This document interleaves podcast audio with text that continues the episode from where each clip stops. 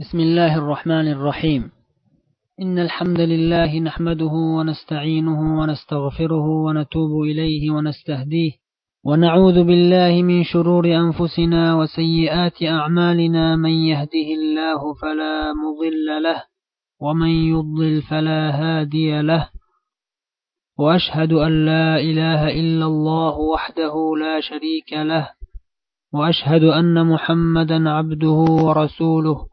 صلى الله عليه وعلى آله وأصحابه أجمعين وسلم تسليما كثيرا مزيدا أما بعد السلام عليكم ورحمة الله وبركاته محترم طالب علم برادرلر وطالبة علم opa singillar tahoviya aqidasidan o'tayotgan darsimizni davom ettiramiz bugungi darsimizda imom tahoviyning quyidagi so'zlarini sharhlab o'tamiz قال رحمه الله ولا نخوض في الله ولا نماري في دين الله ولا نجادل في القرآن ونشهد أنه كلام رب العالمين نزل به الروح الأمين فعلمه سيد المرسلين محمدا صلى الله عليه وسلم وهو كلام الله تعالى لا يساويه شيء من كلام المخلوقين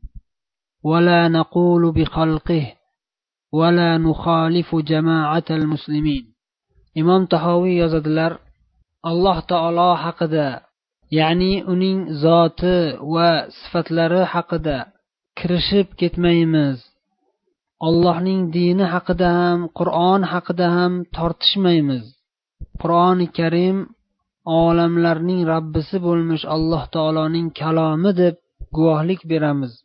Bu qur'oni karimni ar ruhul amin jabroil alayhissalom olib tushganlar ya'ni allohning huzuridan va payg'ambarlarning sayyidi bo'lmish muhammad sollallohu alayhi vasallamga uni o'rgatganlar. Bu qur'on alloh taoloning kalomi maxluqlarning kalomidan hech qaysi biri unga barobar kela olmaydi. Qur'oni karimni maxluq deb aytmaymiz va musulmonlarning jamoatiga qarshi chiqmaymiz. Imom tahoviy bu yerda aytgan so'zlar bilan ahli sunna val jamoa e'tiqodiga dohil bir necha muhim masalalarni yana bir bor qaytadan ta'kidlab ta'kidlab o'tyaptilar. Birinchi nuqtada aytdilarki alloh taolo haqida kirishib ketmaymiz. Ya'ni alloh taoloning zoti va sifatlari borasida chuqur ketmasligimiz lozimligini eslatyaptilar. Ahli sunna va jamoaning yo'llari e'tiqodlari shuki ular alloh taoloning zoti va sifatlari haqida so'zlashganlarida faqatgina qur'oni sunnat bilan cheklanadilar. Boshqa turli tuman falsafalarga umuman yaqinlashmaydilar. Alloh taolo qur'onda o'z zotini nima deb nomlagan bo'lsa ana shu ismlar bilan nomlaydilar va o'z zotini qanday sifatlar bilan sifatlagan bo'lsa ana shu sifatlar bilan alloh taoloni sifatlaydilar. Alloh taolo qur'onda va rasululloh sollallohu alayhi vasallam sahih hadislarda alloh taoloni nima deb nomlagan bo'lsalar ana shu ismlar bilan nomlaydilar. Ahli sunna val jamoa alloh taoloni ana shu ismlar bilan nomlaydilar. Va yana alloh taolo qur'oni karimda rasululloh sollallohu alayhi vasallam sahih hadislarda alloh taoloni qanday sifatlar bilan sifatlagan bo'lsalar ana shu sifatlar bilan ham alloh taoloni sifatlaydilar. Bas undan uyog'iga o'tmaydilar. Ya'ni bu sifatlar qaysi shaklda qanday kayfiyatda degan turli xil xayollarga kirishib ketmaydilar va tillarini ham umuman bunday masalalarga yaqinlashtirmaydilar. Alloh taoloni qur'oni sunnatda sobit bo'lgan ism sifatlarini bayon qilib ana shu ism va sifatlarga iymon keltirish alloh taolo haqida kirishib ketishga kirmaydi. Alloh taolo haqida kirishib ketishga kirmaydi. Balki alloh taologa iymon keltirishga kiradi. Haqqu rost bo'lgan e'tiqodni bayon qilishga alloh taoloni buyuk ismlari va sifatlari bilan maqtashga ulug'lashga hamdu sanolar aytishga kiradi. Buni alloh taolo haqida kirishib ketish deb aytilmaydi. Alloh taolo haqida kirishib ketish deganda ya'ni alloh taoloning ism sifatlarini inkor qilish ko'zda tutiladi. Yoki bo'lmasam alloh taoloni ism sifatlarini ma'lum bir kayfiyatda deb tasavvur qilib har xil xayollarga kirib ketish ko'zda tutiladi. Ana shu narsa harom va shirkka olib boradi alloh asrasin. Keyingi nuqtada imom tahoviy alloh taoloning dini va alloh taoloning kalomi haqida tortishmasligimiz lozimligini eslatib o'tdilar. Bu yerda tortishish degan kalima bilan ikki xil ma'nodagi tortishishni ko'zda tutyaptilar. Birinchisi niyati maqsadi buzuq bo'lgan odamlarning tortishuvlari. Kim bilandir tortishayotgan odam agar u gapirayotgan so'zlari keltirayotgan hujjatlari haq bo'lsa ham ammo niyati xolis bo'lmasa bunday odam baribir gunohkor bo'ladi. Va bu tortishuvlari bilan o'ziga ham islom diniga ham faqat zarar keltiradi. Allohning dini haqida qur'oni karim haqida so'zlagan odam eng avvalo o'zining niyatini xolis qilib olishi o'zining niyatini xolis qilib olishi faqat va faqat allohning rizosini ko'zlab gapirishi shart. Bo'lmasa alloh taolo harom qilgan jadallashishga kirib ketgan bo'ladi. Alloh asrasin. Ikkinchi turli tortishuv botil va zaif hujjatlar bilan tortishish. Bu ham shak shubhasiz harom. Kimniki niyati xolis bo'lsayu ammo hujjat qilib ketirayotgan dalillari qur'oni karimdan yoki sahih hadislardan bo'lmasa yoki qur'onu hadislarni noto'g'ri talqin qilib xato sharhlab gapirayotgan bo'lsa yoki bo'lmasam falsafachilarning turli tuman falsafalaridan hujjat keltirayotgan bo'lsa bu odam ham juda xatarli harom ishga ketgan bo'ladi. botil narsalarni hujjat qilib olib tortishish payg'ambarlarga qarshi chiqqan kofirlarning uslubi ekanini alloh taolo xabar berib aytadiki ما يجادل في آيات الله إلا الذين كفروا فلا يغررك تقلبهم في البلاد g'ofir surasini to'rtinchi oyatida aytadi Undan keyingi beshinchi oyatda ham aytadiki vajadalu bil batili liyudhidu bihil haq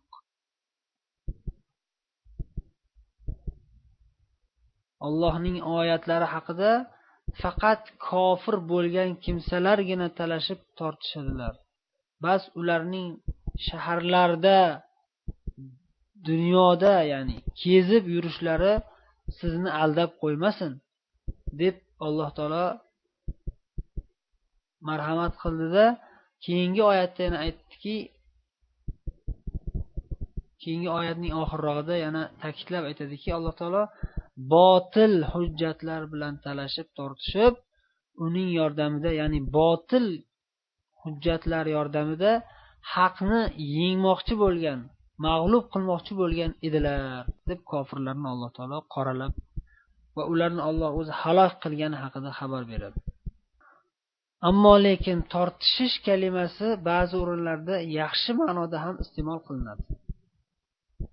Agar tortishishdan maqsad olloh uchun so'zlab haqiqatni bayon qilish bo'lsa botil narsalarni botil ekanini hikmat bilan tushuntirib qo'yish hikmat bilan donolik bilan tushuntirish bo'lsa va tortishuvchi kishi zikr qilib keltirayotgan dalilu hujjatlari haqqu rost kuchli dalillar bo'lsa bunday ko'rinishdagi tortishuv albatta maqtovga sazovor.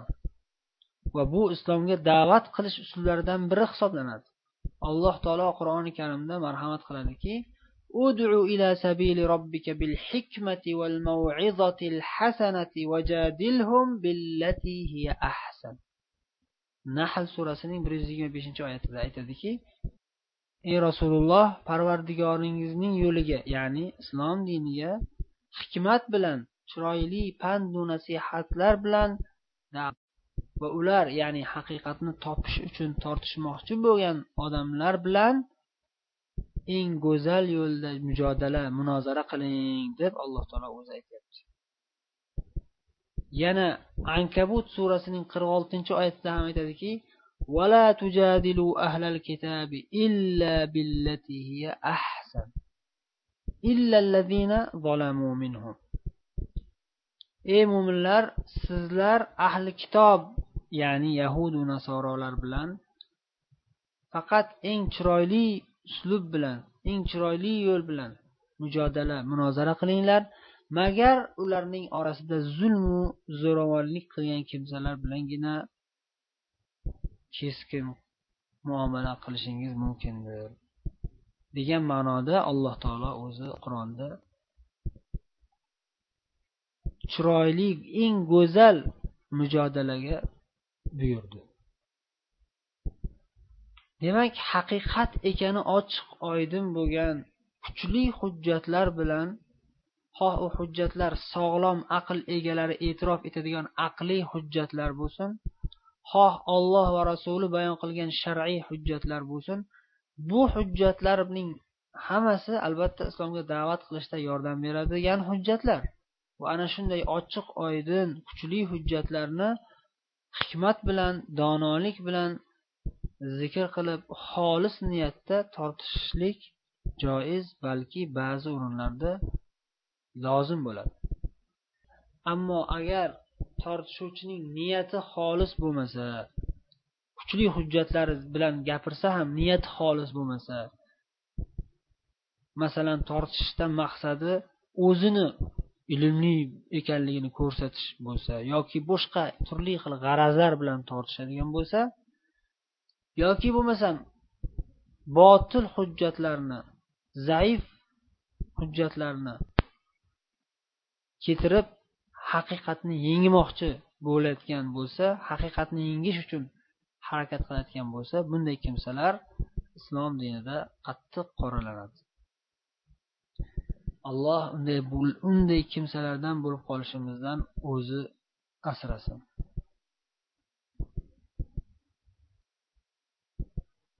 Imom tahoviy qur'on haqida ham tortishmaymiz deb alohida ta'kidlab o'tdilar. Bu so'zlar bilan ham ikkita masalaga ishora qilib ketyaptilar. Birinchisi qur'oni karim haqiqatdan ham allohning kalomi ekanini inkor qiladigan kofiru yoki adashgan toifalarning botil e'tiqodlaridan uzoq bo'lishimiz zarurligini ta'kidlamoqchilar. Ya'ni qur'oni karim allohning kalomi. Bunda hech qanday shak shubha yo'q va bu borada tortishib jadallashib o'tirishimiz joiz emas ikkinchi masala qur'oni karim bir necha qiroatlar bilan sobit bo'lganligi. Ana shu mutavotir rivoyatlar bilan sobit bo'lgan qiroatlarning hammasi allohning kalomi ekaniga iymon keltirishimiz zarur. Va bu borada tortishishlik yoki shak shubhalarga tushishlik mo'minlarning yo'li emas. Mana shunga ham ishora qilib ketyaptilar. Qur'oni karim haqiqatdan ham bir necha qiroatlar bilan sobit bo'lgan va ana shu qiroatlarning barchasi allohning kalomi va birontasi bir biriga qarama qarshi emas bir biriga qarama qarshi ma'nolarni ifoda qilmagan balki bir birini doimo qo'llab quvvatlaydigan va juda ham buyuk hikmatlarni chuqur ma'nolarni o'z ichiga olgan qiroatlar. Misol uchun fotiha surasida aksariyatimiz bilamizki maliki yavmiddin degan oyat karima bor. Ana shu oyat karima boshqa bir qiroatda maliki yavmiddin deb o'qiladi.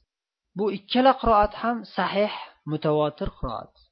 Ikkalasi ham allohning kalomi ikkisi ham bir birini qo'llab quvvatlaydigan ma'nolarni o'z ichiga olgan. Maliki yavmiddin desa qiyomat kunini egasi degan ma'noni bildiradi. Maliki yavmiddin desa qiyomat kunining podshohi degan ma'noni ifodalaydi. Qiyomat kunining egasi va podshohi degan ma'nolar ikkisi ham sahih va bir birini qo'llab quvvatlaydi va hokazo boshqa barcha qiroatlar ham shunga o'xshash. Demak ahli sunna val jamoaning e'tiqodlaridan biri qur'oni karim ollohning kalomi. Va qur'oni karimning barcha mutavotir rivoyatlar bilan sobit bo'lgan qiroatlari ham haqqu rost va ularning barchasi allohning kalomi. Hech qaysi bir qiroat boshqa bir qiroat bilan boshqa bir qiroat bilan qarama qarshi emas. Balki barchasi bir biri bilan mutanosib va qur'on karim mana shunday turli qiroatlar bilan nozil bo'lishi ham alloh taoloning buyuk mo'jizalaridan biri. Keyin imom tahoviy aytdilarki qur'oni karimni maxluq deb aytmaymiz va musulmonlarning jamoatiga qarshi chiqmaymiz dedilar. Qur'oni karim allohning kalomi degan e'tiqod ustida barcha musulmonlar ittifoq bo'lishgan ijmo qilishgan. Biz ushbu bir e'tiqod ustida ittifoq bo'lgan jamoatga qarshi bo'lmaymiz aslo. Chunki rasululloh sollallohu alayhi vasallam sahih hadisda aytadilarki alloh taolo mening ummatimni zalolat ustida jam qilmaydi. Ya'ni islom ummati islom ulamolari qaysiki bir masalada bir e'tiqodga ittifoq qilishgan bo'lsa albatta ana shu e'tiqod haqqu rost bo'ladi. Hech qachon xato yoki adashilgan e'tiqod bo'lmaydi. Shuning uchun ulamolar aytishganidek ijmaul umma hujja. Ummat islom ummati ulamolari ittifoq ijmo qilishlari bu hujjatdir. Qaysidir masalada islom ulamolari bitta qavlga ittifoq qilishgan bo'lsa mana shuning o'zini bilishingiz sizga hujjat. Tafsilotini qur'oni hadisdagi hujjatlarni hammasini bilmasangiz ham shuni o'zini bilsangiz ham sizga yetarli hujjat.